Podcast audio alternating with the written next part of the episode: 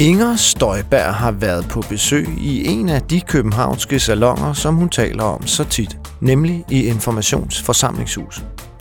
Jeg hedder Anton Geist, og jeg havde fornøjelsen af at interviewe Inger Støjberg i forsamlingshuset. Her fortalte hun om alt det, hun synes, der er galt med SVM-regeringen og dens måde at føre politik på.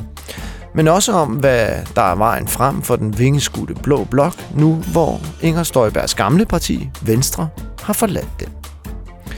Interviewet er en del af serien Blå Blok, Hvad nu? Tidligere i serien har vi haft besøg af Alex Vanopslag og Morten Messerschmidt, og denne gang der er det altså Inger Støjberg. Fordi det hele er optaget i informationsforsamlingshus, som i virkeligheden bare er vores kantine, kan lyden godt skratte lidt. Men det gør jo ingenting, så længe man er i et godt selskab. God fornøjelse.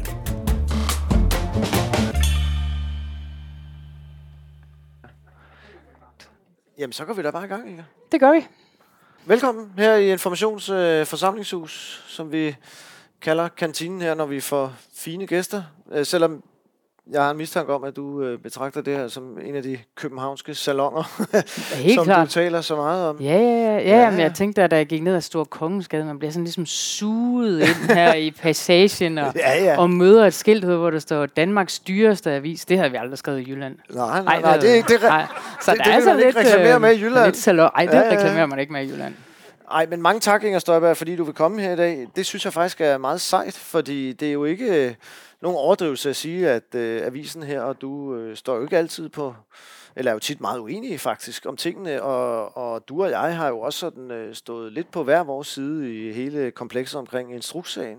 Øh, og så havde det vel været lettere bare at sige nej tak, øh, ligesom der også er nogen andre, der har gjort, når vi har spurgt.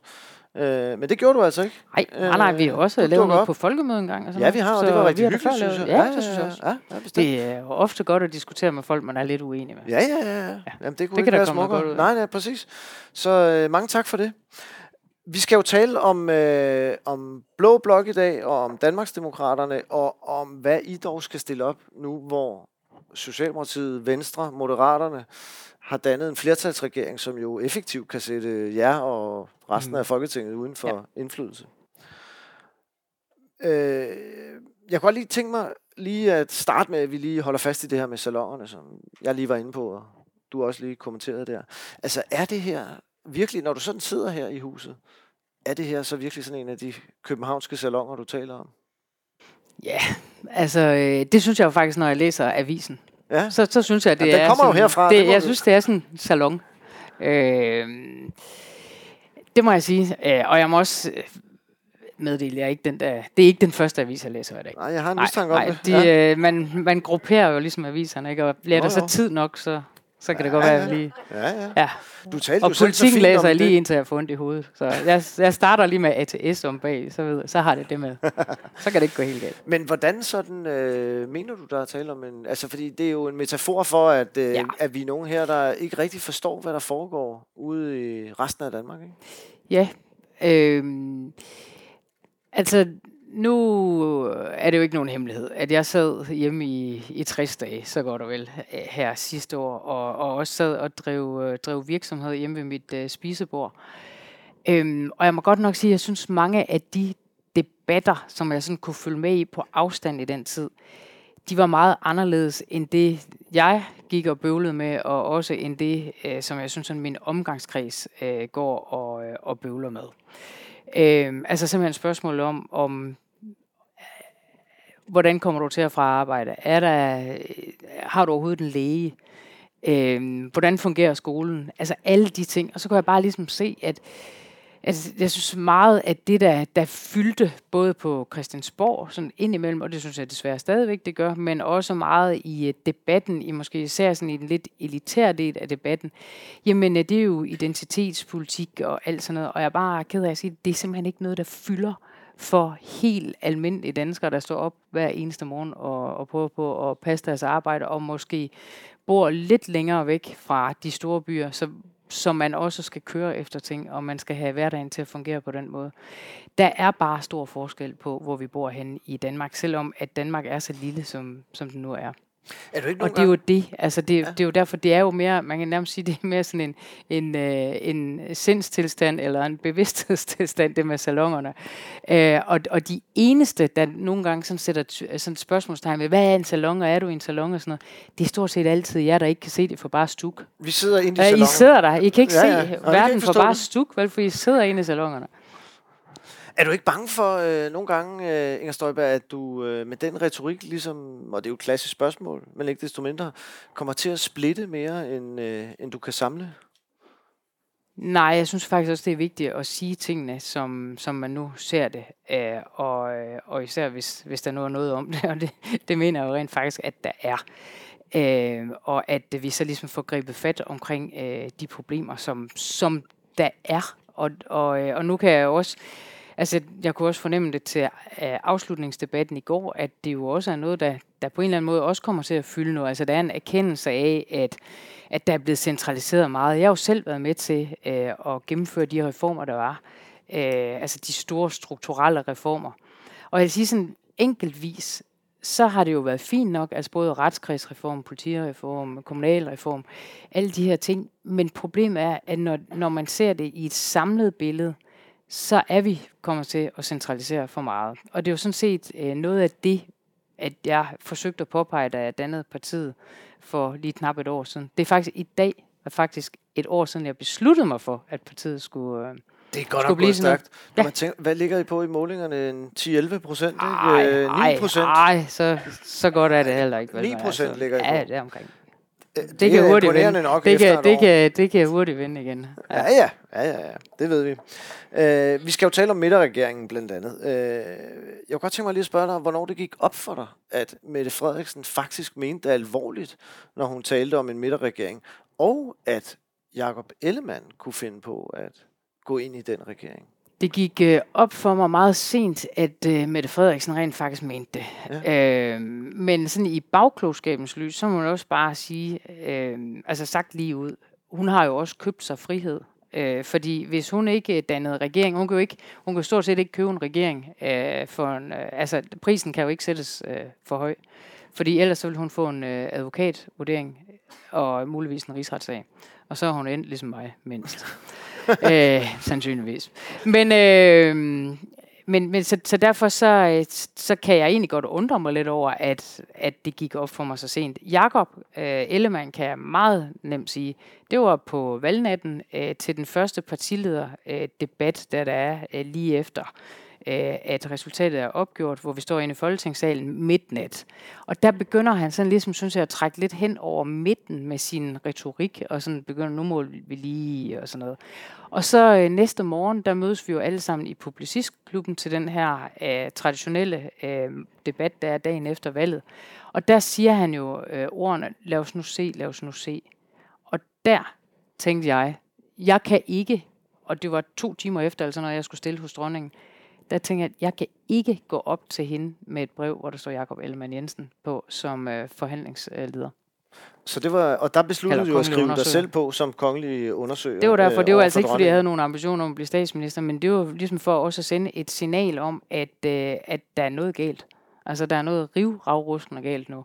Øh, og, øh, og man kan sige, at vi har jo været i god tro hele vejen igennem. Ikke? Øh, han har stået flere gange i valgkampen jo, og sagt, at øh, det er et ultimativt krav, øh, at, øh, at vi skal have den her minkundersøgelse, og, og nærmest uh, read my lips. Hun bliver aldrig statsminister med mine, mm. med mine ja, stemmer. Det altså, det var meget klar, ikke? Øh, og, og, og der må jeg bare sige, der da vi sad især der i publicistklubben, fordi der om natten, for at sige det som det er, der er man simpelthen rigtig træt. Jeg tror, gik vi i gang klokken kvart over et, halv to om natten. Det var helt vildt.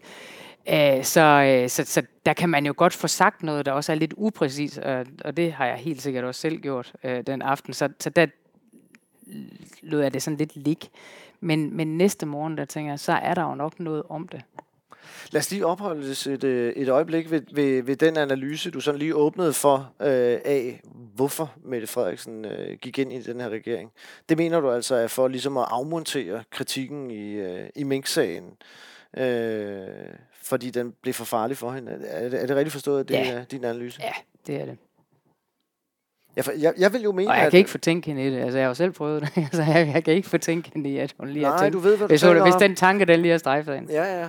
Jeg vil jo mene, øh, men jeg synes ikke, vi skal fortabe os i hverken instrukssagen eller minksagen. Min, min vurdering vil være, at de kommissionsrapporter, der lå, der var, der var den værre for dig i din sag, end den var for Mette Frederiksen i øh, sin sag, i hendes sag. Øh, men ikke desto mindre er det altså din analyse. Og man kan i hvert fald sige, at hun jo vil blive mødt med meget kritik fra Venstre og Moderaterne fortsat, hvis ikke hun havde dannet regering med dem. Sådan kan må man roligt det. Ja. Kan der ikke være et sådan vist, tænker jeg, demokratisk potentiale i, at man laver sådan en her type regering? Altså nogle partier, som faktisk langt hen ad vejen er enige. Man må vel sige, at Socialdemokratiet, Venstre og Moderaterne, de har jo efterhånden rigtig, rigtig meget til fælles. Frem for at man skal danne en regering, som enten er blå eller rød, og hvor nogle yderpartier måske for uforholdsmæssigt meget at sige i forhold til deres mandattal. Altså, øh, Man kan jo godt samarbejde, selvom man ikke er i regering. Øh, og, øh, og, og det synes jeg da også, at, øh, at, at det danske folketing har vist igennem rigtig mange år. Øh, så, øh, så, så det kan man jo sagtens. Øh, altså jeg har ikke, mm, altså jeg har simpelthen ikke fedus til det der med en midterregering, og det har jeg aldrig haft. Øh, og, øh, og det havde jeg heller ikke i valgkampen eller før, og jeg har slet heller ikke nu. Nu har vi prøvet det, og må så ikke nu på et eller andet tidspunkt, så holder det ikke længere. Og må så ikke, at øh, så har vi ro de næste 40 år. Så er det prøvet, ikke? Også det er ligesom noget, en hver generation skal åbenbart prøve det der hen over midten, og så går det op for dem, det dur ikke. Øh, og når man sådan ser, altså nu siger du, der er så mange ting, der samler den. Åh, man hører også et og andet på Christiansborg. Der er simpelthen også nogle diskussioner, som, øh, som vi jo så jo selvfølgelig ikke er en del af, men som jeg ved, der pågår om forskellige ting. Ja, man kan sige, at Socialdemokratiet er gået med til meget, kan man sige. Ikke? Og der, der forstår jeg det sådan, at det er så den pris, de har måttet betale øh, for De, de er gået med til meget, men jeg tror da nok også, at Venstre synes, at de er gået med til ja. meget. Altså, jeg, der var godt nok øh, ro på rækkerne i dag, da, da Venstrefolkene skulle stemme for den her vejafgift.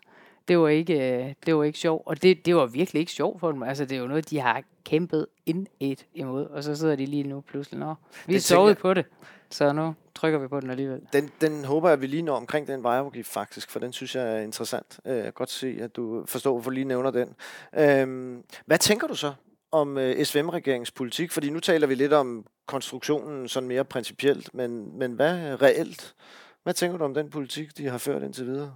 Jamen altså, øh, altså det, det er jo ligesom blevet sådan, at uh, vi er så modige, så modige, så modige, vi kan gennemføre alt. Ja, det kan de også, men hvis ikke der er nogen, der har bedt om det, altså hvis, der hvis folk er imod det, øh, så, så er det måske ikke lige nødvendigvis den vej, man skal gå. Altså det er jo lidt ligesom sådan et, altså regeringen er, nu Mette Frederiksen har brugt meget det der med dyr her på det sidste, hvad, hvad er man for en dyr på savannen og sådan noget. Jeg, jeg har gået og tænkt på, at regeringen er lidt ligesom et muldyr. Nå. Øh, det, det, er sådan, øh, det er sådan et arbejdsdyr, men de kan ikke formere sig. Altså, det er meget sjældent, at muldyr kan formere sig. Øh, og det er lidt det, jeg også synes, der, der står tilbage for den nu. Ikke? Øh, så, så det er jo fint nok. Altså, de arbejder der ud af og afskaffer store bededag. Der er ingen, der bedt om det.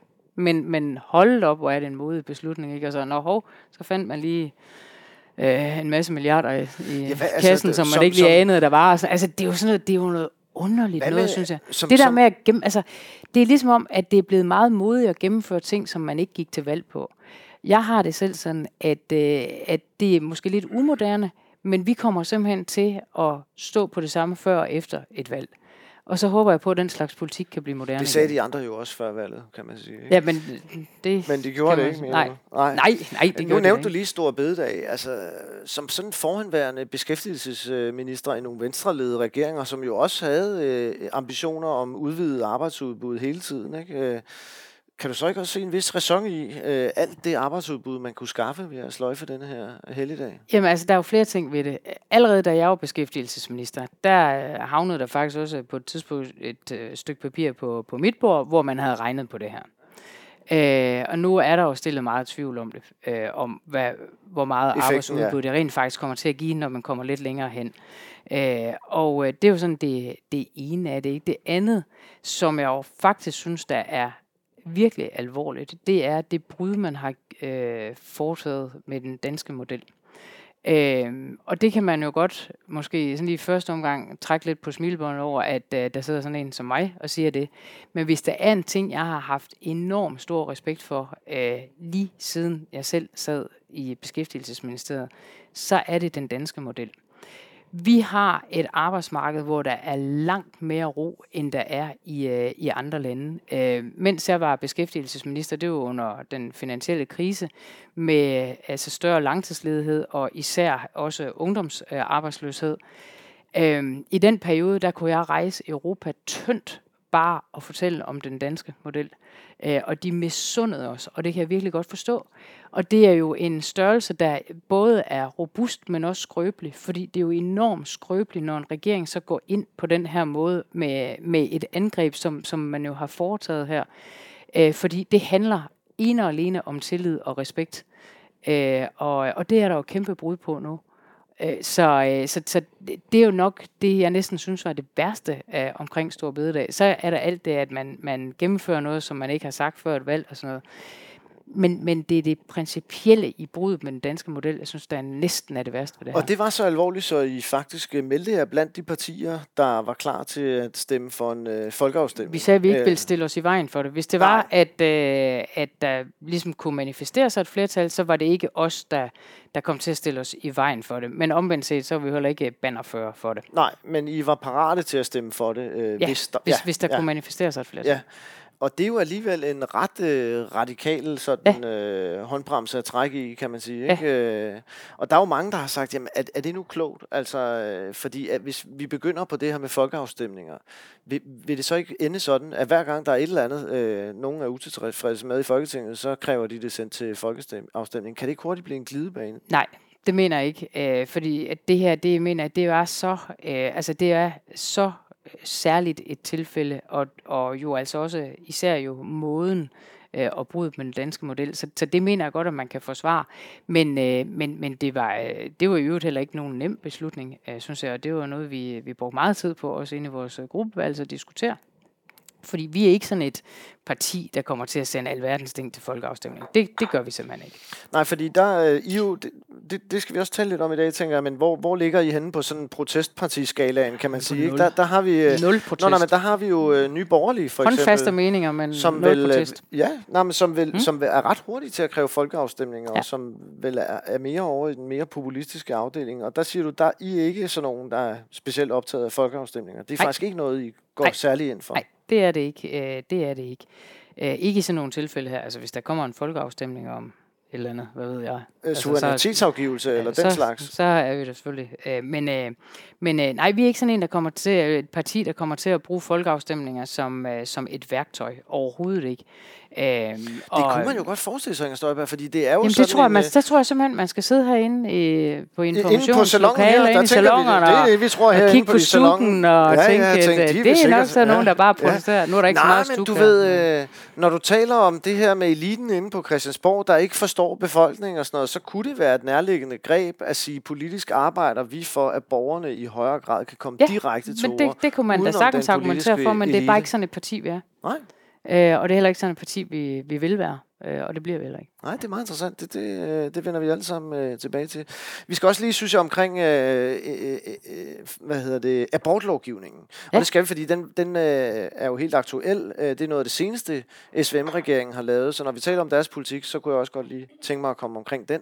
Den var også op til afslutningsdebatten. Det kom faktisk til at fylde meget i går i afslutningsdebatten. Som du nævnte ja. øh, lige før. Ja, du blev sådan... Øh, øh, kritiseret for, for jeres øh, øh, synspunkt i den sag. Ja. Hvorfor er det, du er imod det her med, at SVM altså vil sige, nu må øh, nu kan piger ned til 15 år godt få abort uden deres forældres samtykke? Fordi vi jo allerede i dag, synes jeg, har en velfungerende øh, regelsæt på det område. Det er jo sådan, at hvis man er for eksempel en muslimsk pige, øh, Øh, der bliver gravid, øh, kan ikke tale med sin familie, kan blive udsat for enten psykisk eller fysisk vold, eller altså på en eller anden måde vil få rigtig svært ved at snakke med sine forældre om det her.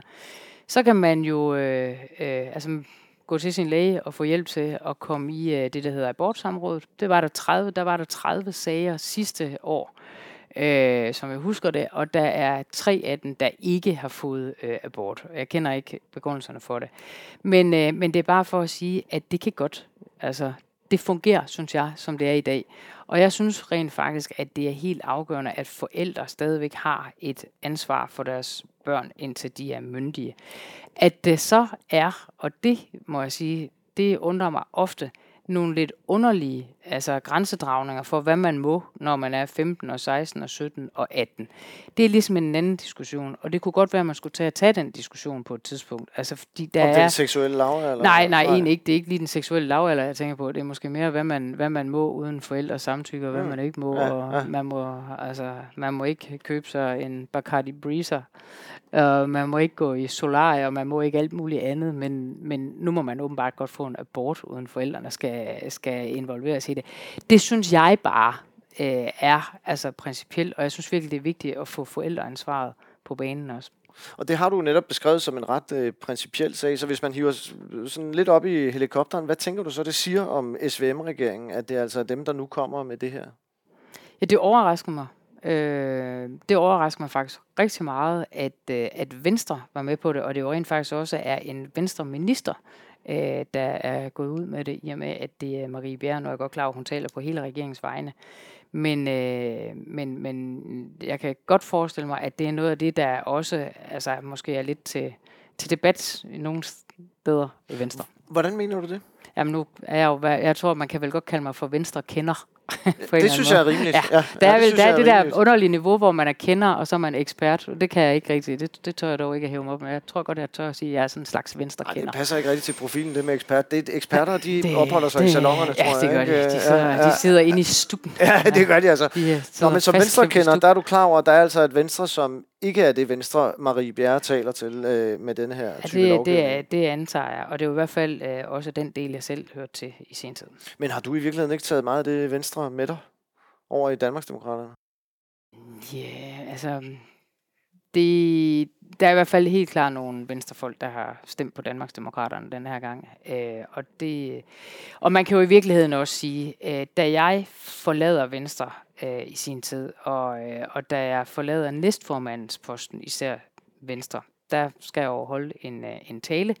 Øh, og når jeg nu kigger tilbage nu på den tale, så, øh, så er det i virkeligheden mange af de her ting, jeg egentlig adresserer som værende det problem, jeg synes, der er. Øh, altså at man ligesom flytter sig, og man måske har lidt nogle af de forkerte, i min, i min optik, debatter, at fokus ligger det forkerte sted. Der er for lidt produktionsdanmark, øh, og for meget, kan man sige, storby øh, segment ind i, øh, i, øh, i det hele.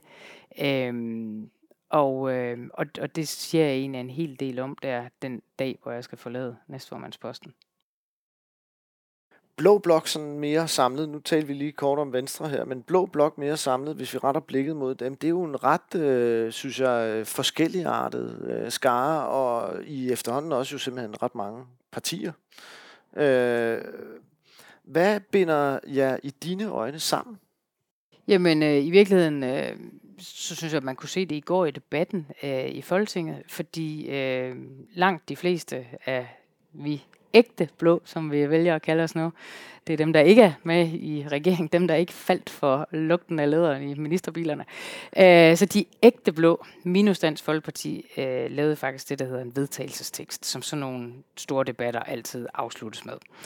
Øh, og der kan man jo tydeligt se, synes jeg, hvad det er, der binder os sammen. Øh, altså skatten ned på, på arbejde, øh, en stram udlændingepolitik, øh, fokus på, at vi skal have en klimapolitik, der også øh, hænger sammen. Altså det er jo ikke, fordi vi ikke vedkender os 70% øh, målsætning, men spørgsmålet er bare, om det er helt nødvendigt, at det lige er i 2030. Altså hvis det bliver 32 eller 35, så, så går jorden nok ikke under af den grund. Men, men det er der rigtig meget erhvervsliv, der gør det er jo nok en af de ting, vi her i salongen Jeg synes også, er, at jeg skulle sige det her. Jeg sad også og tænkte, jeg bliver nødt til at få det sagt. Nej, men altså, ja, man kommer Fordi ikke her i salongen... Hvis du nu ikke spurgte til det, så bliver jeg nødt til at... Jeg, man kommer ikke her i salongen uden at blive spurgt til klimapolitik. Ah, det er godt. Så det skal vi, så jeg kan godt bare lægge mig tilbage. Det, vi kommer. Det er okket over, det skal vi nok komme omkring, tænker jeg. Øh, hvad hedder det? Men hvad, altså eksempel, og så, så er der altså sådan noget som øh, lavere skat på arbejde, der eksempelvis spænder jer og Liberale Alliance sammen. For det er jo ikke oplagt, synes jeg, at I har sådan meget til fælles.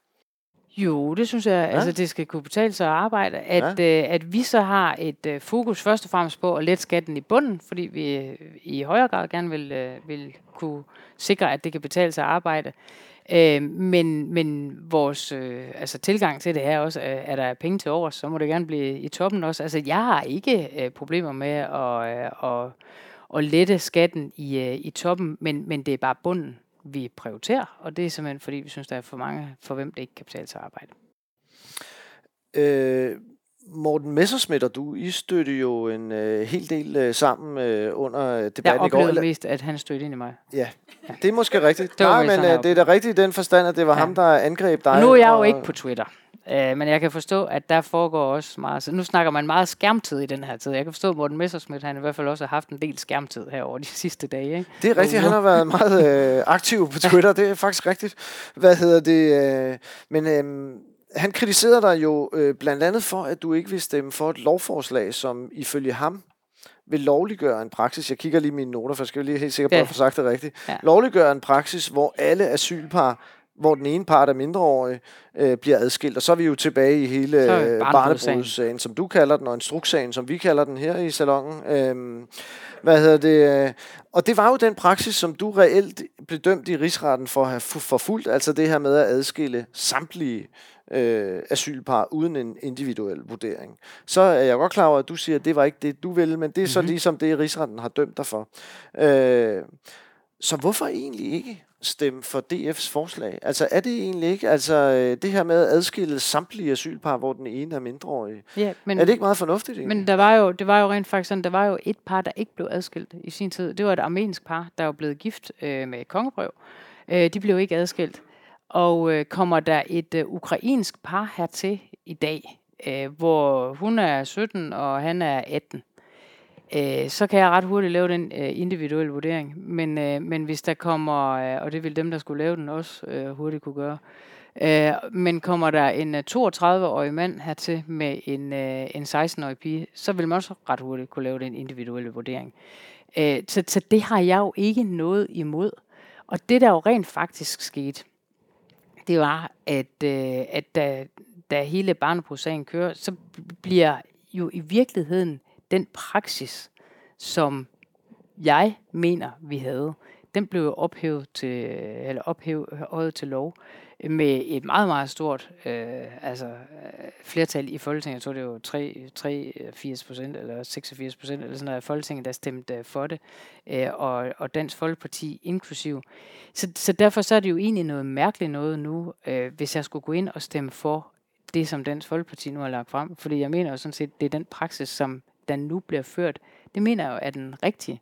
Altså, jeg synes jo, man skal adskilles, hvis der kan være nogen som helst former for øh, altså risiko for et overgreb. Men, men det er jo ikke det er jo ikke unaturligt, som for eksempel det armenske par, der kommer hertil, at der, kan der er gift med et, øh, et kongebrev, og det kan man sige, der har så også været en form for individuel vurdering, jo, for ellers ja, ja. får du ikke et kongebrev. Men det er, det er selvfølgelig lidt komplekst der, fordi du, du blev jo så ligesom dømt for at have forfulgt en praksis, som var undtagelsesfri, men du siger her, at det var jo ikke det, du ville. Øh, øh, nej, men det var ikke det, vi det? gjorde. Altså, øh, der var et par, der var blevet adskilt, eller der ikke var blevet adskilt. Ja, øh, ja men lad os ikke, øh, lad os ikke bevæge os alt for langt nej, ind i det her. Nej. Hvad men, det? Øh, vi har begge to, vi har begge, vi har begge to haft en del vi har sag. masser af tid ja, på den ja. sag. Men jeg er på fri fod nu, og det er jeg glad Ja, det er jeg også. Ja. Hvad hedder det? Um... Og havde det ikke været for, for dig og, og, og, og den gode Dalin herovre, så kunne det jo være, at, uh, at jeg slet ikke har siddet her i dag med et nyt parti. Hvem ved? Ja, men tænk så en gang. tænk, tænk det. Det kan, være, det, det kan være, det er dig, der har skabt uhyret. Hvem ved? Ja. det er vokset ud Det er et tungt ansvar, du lægger på min skulder, synes jeg. Øh, men lad os lige blive et øjeblik ved det her med DF, for jeg synes, der er alt andet. Hvad er det for noget, det her med DF? Altså, de var jo øh, klar, stod klar med åbne arme i sin tid. Øh, jeg kan huske, øh, at øh, øh, de jo også fulgte instrukssagen øh, øh, nøje, øh, ja. og øh, det stod og ret åbenbart, meget op. bakkede der meget det op, de, og det, og det stod, det stod ret klart, at, at du vil nok godt kunne få en formandspost, eller i hvert fald en meget fremtrædende post i det parti. Øh, men nu er I altså i intern øh, clinch, må man sige. Hvad altså, er det for jeg noget? er simpelthen ikke i clinch med nogen. Øh, men, men det, det er rigtigt. De, nogen er i clinch ja, med dig så? Ja, det er rigtigt. Jeg kunne godt lige se i går, der lige kom en flyvende takling. Ja. Øh, øh, og, og sådan er det jo. Men, øh, men altså, prøv at høre. Øh, jeg har haft i alle årene et fantastisk godt samarbejde med, med Dansk Folkeparti, men jeg har jo aldrig været DF'er. Øh, og, øh, og, og altså, jeg er jo Danmarksdemokrat. Øh, det er jeg blevet. Altså, en gang var jeg venstremand, men, men jeg synes, at, øh, at det parti ændrede sig for meget, og derfor så er vi så endt, hvor vi er endt nu. Så, så der er ikke sådan noget, for mig er der jo ikke sådan noget odiøst i det, øh, og øh, i det daglige kan jeg også sagtens samarbejde med, med Dansk Folkeparti. Hvordan vil du beskrive øh, den sådan politiske forskel mellem jer og Dansk Folkeparti? For I, I, I flokkes jo lidt ude på, øh, hvad man vel i dansk politik kan kalde den yderste højrefløj, altså Nye Borgerlige, Danmarksdemokraterne ja. og Dansk Folkeparti.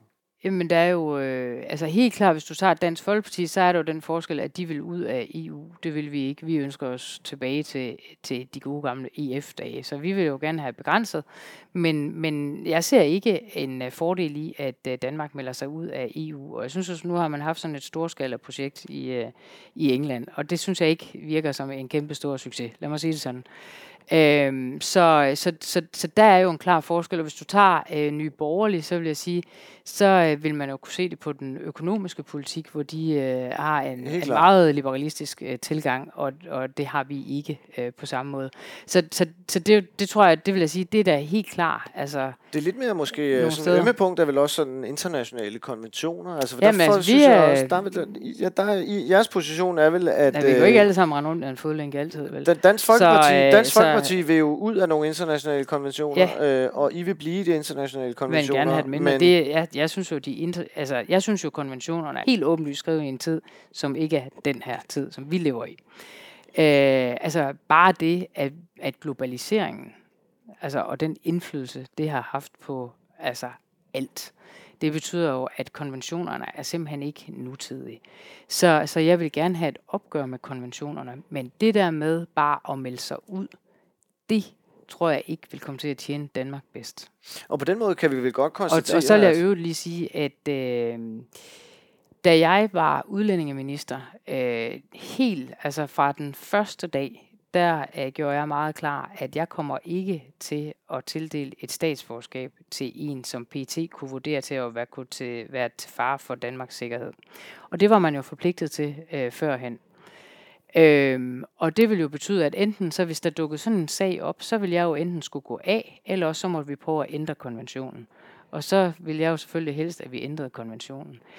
Øhm, nu dukkede der faktisk ikke sådan en sag op i min tid som, øh, som udlændingeminister, men vi gik i krig med at få ændret konventionen, altså statsløsekonventionen. Øh, og det lykkes. Det er jo meget Søren Papes fortjeneste også, for han var justitsminister, så det var ham, der forhandlede rigtig meget af det også. Øh, men, men det lykkes. Og ja, det I fik viser, ligesom UNHCR's... Vi, vi fik, øh, øh, man, man får, ja. får lavet sådan en, en pauseknap, ja. hvor at man så kan revurdere sagerne, og det kan man jo blive ved med i alt evighed. Men, men bare for at sige, at det er jo ikke fuldstændig urealistisk at ændre konventionerne, men det kræver enormt meget arbejde.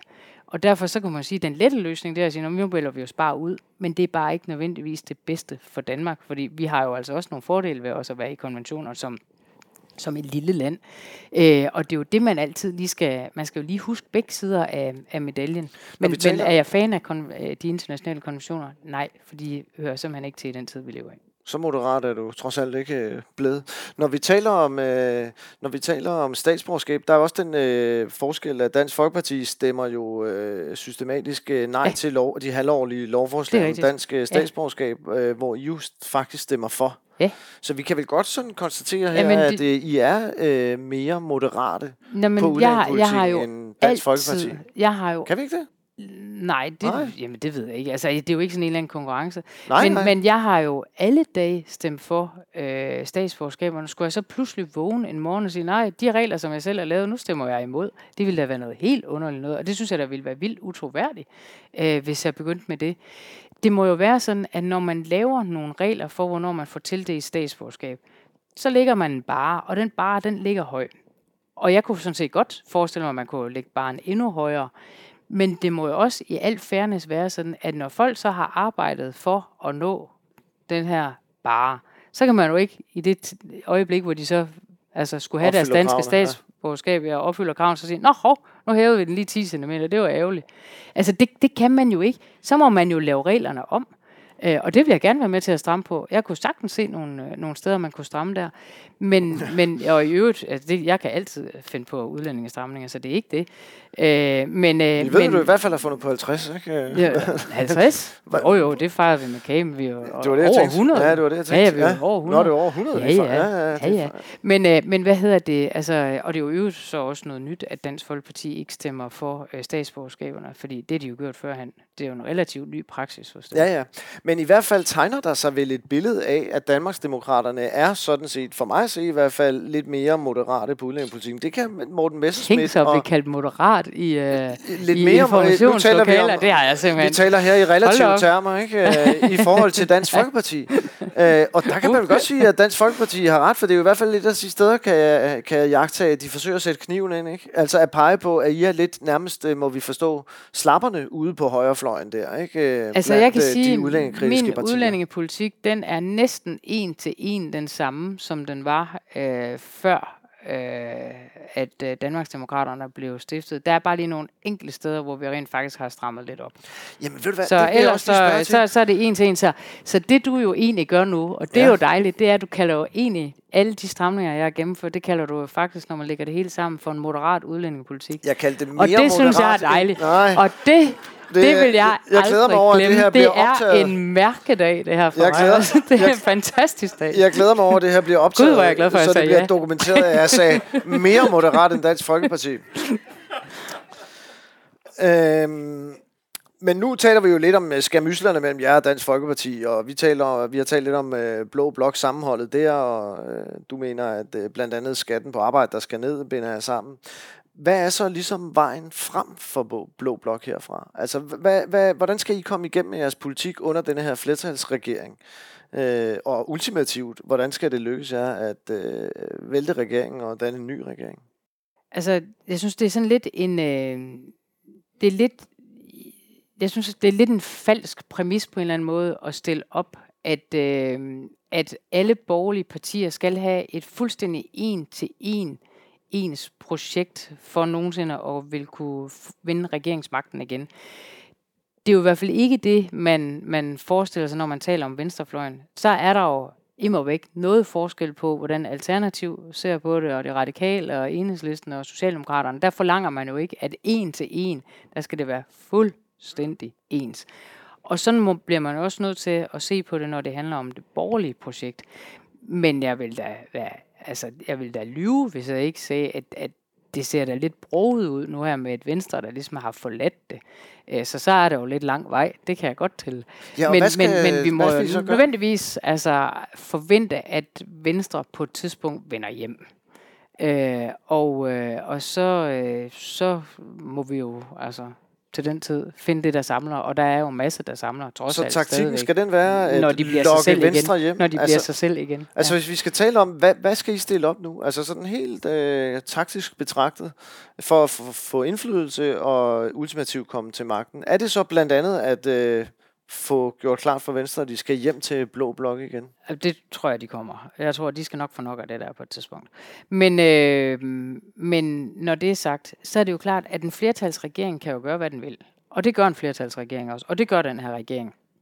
Og det er jo også derfor, man begynder med at se nogle, nogle lidt øh, altså, anderledes konstellationer med en samlet opposition, der, der går sammen og med, med både forslag og kritik og altså et, øh, et rigtig godt sammenhold. Øh, jeg, jeg tænkte, det var faktisk på vej herover, der, jeg glædede mig meget over. Jeg har lige stået og snakket med Pia Olsen Dyr. Jeg tænkte, hvis alt går galt, så kan jeg altid lige sige, jeg lige hygget mig lidt med Pia Olsen Dyr. Jeg stod og snakket lidt med hende øh, om nogle ting, og det har jeg rent faktisk.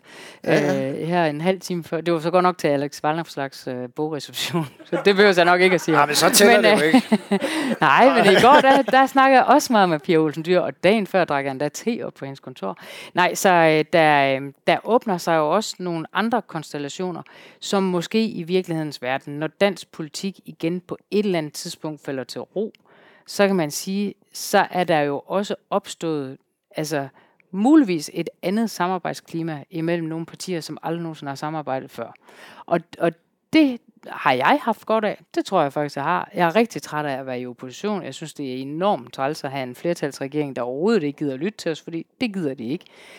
Men det gør jo så bare, at man jo så alligevel begynder med at finde nogle, snitflader, hvor man måske også altså, kunne benytte noget af det længere frem også. Nu siger jeg ikke, at det, vi kommer ikke til at lave super meget politik sammen med SF, men der er noget med, øh, med samarbejdsklimaet, der i hvert fald bliver bedre, og det, altså, det at man simpelthen også kommer til at kende hinanden noget bedre, og det tror jeg faktisk bliver godt for dansk politik. Det er jo sådan på din, længere din, sigt. hvad skal vi sige, særlige ven Morten Messersmith, en af hans visioner faktisk. Jeg kan jo i hvert fald talt om det her med en samlet opposition, ikke? Øh, at venstre og højre oppositionen, den ja. røde og den blå opposition, kan samle sig. Og der siger du nu, der er du i virkeligheden blevet lidt klogere. Øh, prøv, prøv lige at uddybe, hvad du mener med det. Jamen, øh, altså der er opstået en øh, fortrolighed øh, på tværs af oppositionspartierne, øh, som jeg i hvert fald ikke øh, havde forestillet mig før. Øh, og, øh, og så når du drikker te med Pia Olsen Dyr, så øh, er der faktisk Jeg vil gerne sige, jeg har, jeg har meget at lære af Pia Olsen Dyr. Altså, hun er den partileder, der er siddet længst nu, øh, og hun øh, gør det jo rigtig godt. Vi ser jo forskelligt på verden, men derfor så er der jo rigtig mange ting, som man, man godt kan lære af hinanden og have nogle virkelig gode samtaler om, øh, og også en fortrolighed om, og det har vi. Er der også noget politik Jamen, øh, det har der jo været. Altså, Stor bededag. Stor bededag. Øh, men, men jo i virkeligheden også øh, en hel del andet, hvor man også kan, kan samles. Altså, nu har det jo så, noget af det har jo så også været øh, omkring altså, regeringsførelse, og, og hvordan vi ligesom synes, det skal øh, foregå. Men, men der er øh, jo opstået noget samarbejde på tværs også af oppositionen, og det har vi jo så godt af. Det tror jeg faktisk, vi har. Men jeg vil gerne af med regeringen hurtigst muligt hvis du skulle være i tvivl. Nu sagde du før det der med, at øh, du har øh, ment det samme øh, før valget, som du mener nu, og du, du gør egentlig det, som du... Og du fører den politik, du også førte dengang, du var minister.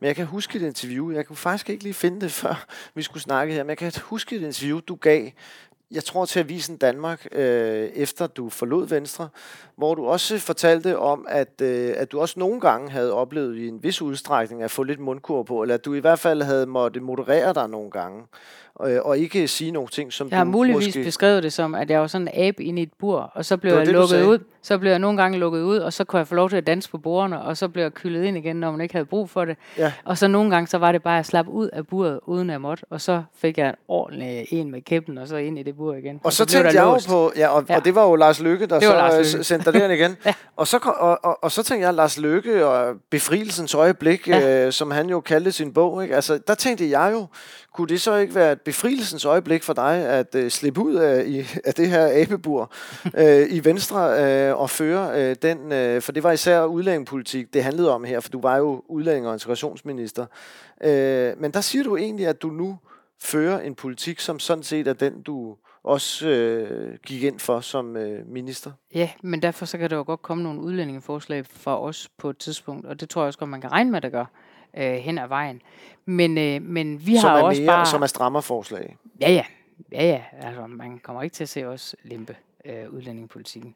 Men, øh, men øh, det er jo også, altså for at sige det som det er, når man bygger et parti op som det her, øh, som skal være holdbart, så skal det også være sådan, altså vi har jo egentlig ikke, vi har jo ikke meget politisk kapital at give af, fordi vi har jo ikke nået at få bygget særlig meget op endnu. Vi er under et år gamle. Ikke? Øhm, og derfor så skal man også kende os fuldstændig, og man skal vide fuldstændig, hvor vi står i de forskellige sager. Og det er også derfor, jeg har sagt, at der, der skal være sådan en skørhedsfaktor på 0, øh, eller lige deromkring.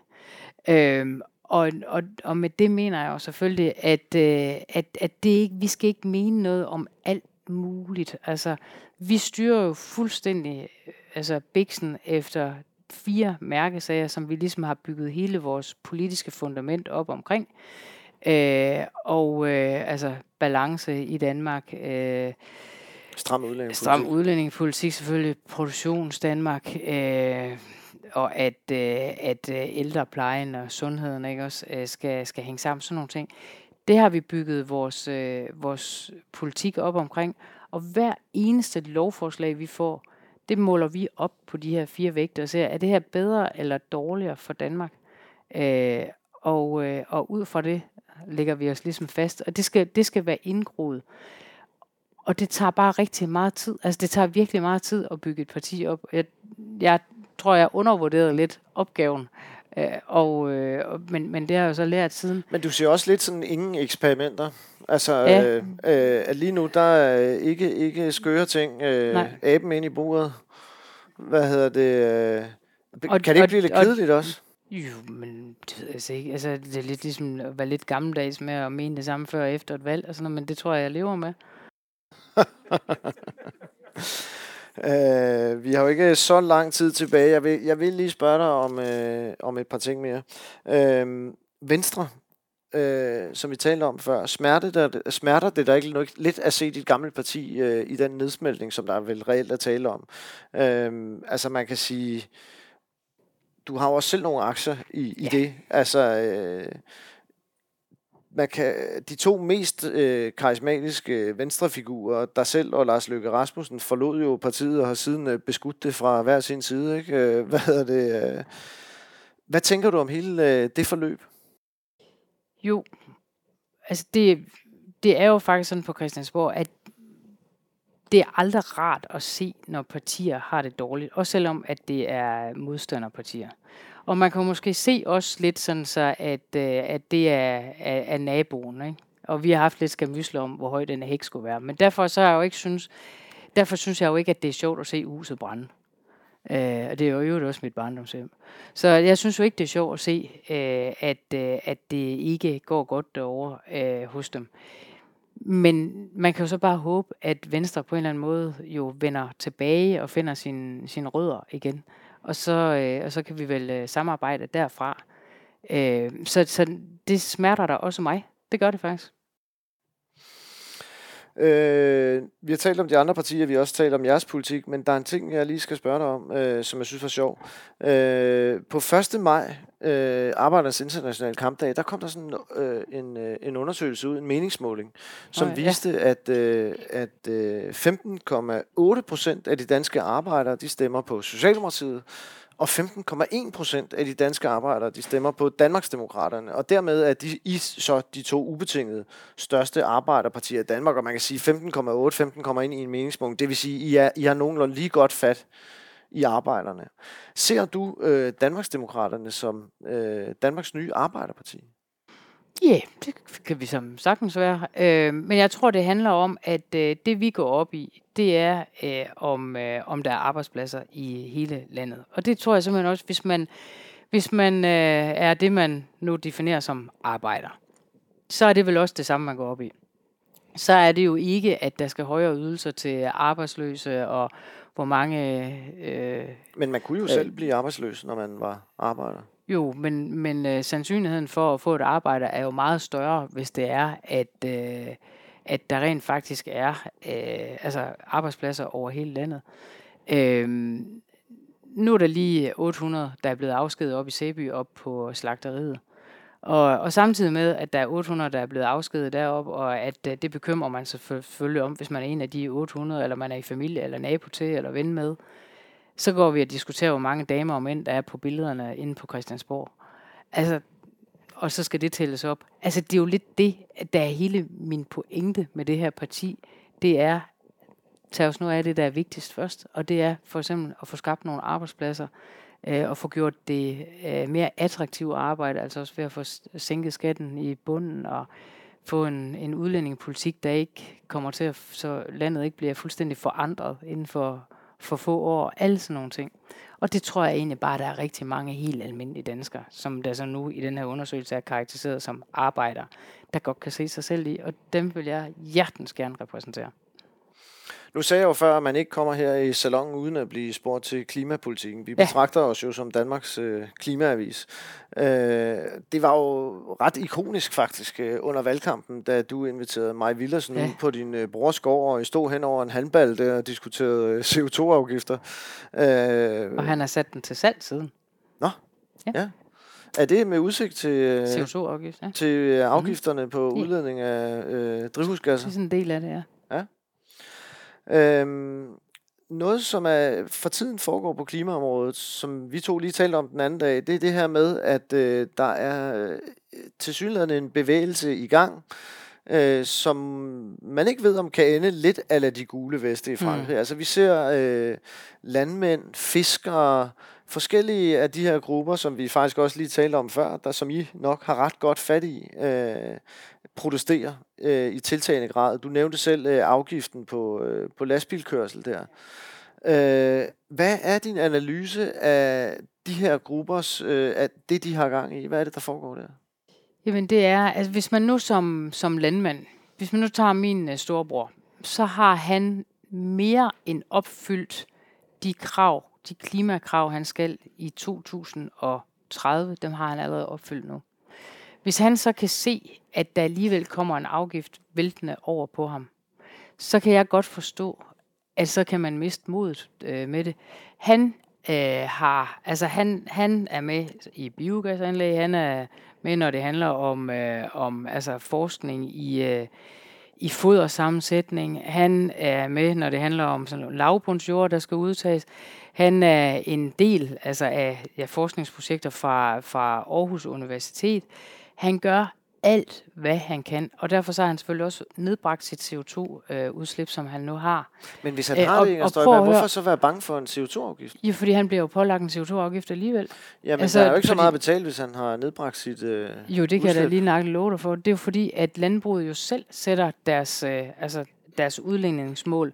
For eksempel, hvis man nu som ham leverer mælk til Arla, så er han med i sådan et klimaprogram, der gør, at han får en, en målsætning for, hvad han skal. Og det er bare det, han allerede har overopfyldt.